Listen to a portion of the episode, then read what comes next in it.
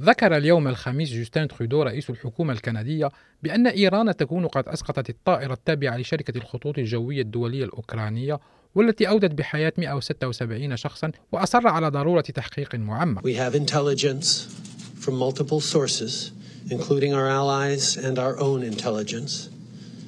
The evidence indicates that the plane was shot down by an Iranian surface to air missile.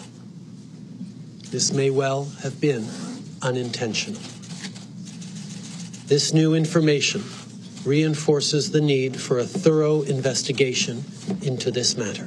لدينا معلومات من مصادر متعددة بما في ذلك حلفائنا ومخابراتنا تشير الأدلة إلى أن الطائرة أسقطت بصاروخ إيراني أرض جو قد يكون غير مقصود. وهذه المعلومات الجديدة تعزز الحاجة إلى إجراء تحقيق شامل في هذه المسألة كما قال جوستين ترودو. وخلال الندوة الصحفية التي عقدها اليوم في أوتاوا قال رئيس الحكومة الكندية إنه بدعم من أوكرانيا ترغب كندا في تقديم مساهمة مهمة في التحقيق في أسباب وظروف الحادث. وأضاف أن للكنديين أسئلة تستحق إجابة. وقال إن كندا تعمل مع حلفائها لضمان إجراء تحقيق شامل لتحديد أسباب هذا الحادث المأساوي. وقال مسؤولون أمريكيون يوم الخميس إن الطائرة الأوكرانية أسقطت على الأرجح بطريق الخطأ بصاروخين إيرانيين مضادين للطائرات. وقال مسؤول أمريكي إنه وفقا لبيانات الأقمار الصناعية فإن طائرة الخطوط الجوية الأوكرانية بوينغ 737-800 التي أقلعت في رحلة إلى كييف حلقت لدقيقتين فقط بعد مغادرة طهران عندما رصدت بصمة حرارة صاروخين أرض جو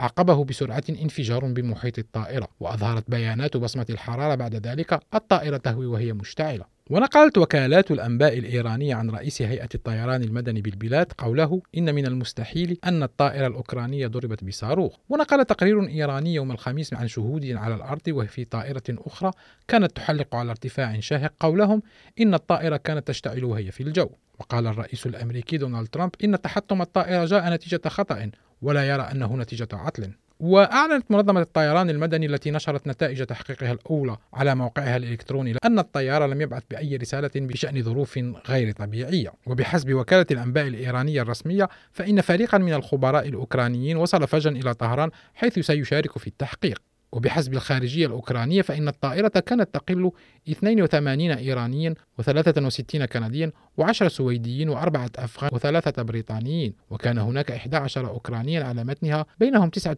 هم من أفراد الطاقم. ودعا اليوم الخميس رئيس أوكرانيا فلوديمير زيلينسكي كندا للمشاركة في التحقيق في إيران. وقال إن الأولوية بالنسبة لأوكرانيا هي تحديد أسباب هذه الكارثة. بالتأكيد سنكتشف الحقيقة. وأدعو المجتمع الدولي وخاصة كندا للمشاركة في التحقيق كما قال. وللإشارة فإن كندا الدولة التي تستضيف جالية إيرانية كبيرة قطعت علاقاتها الدبلوماسية مع إيران عام 2012 آخرة على الجمهورية الإسلامية دعمها لحكومة الرئيس السوري بشار الأسد.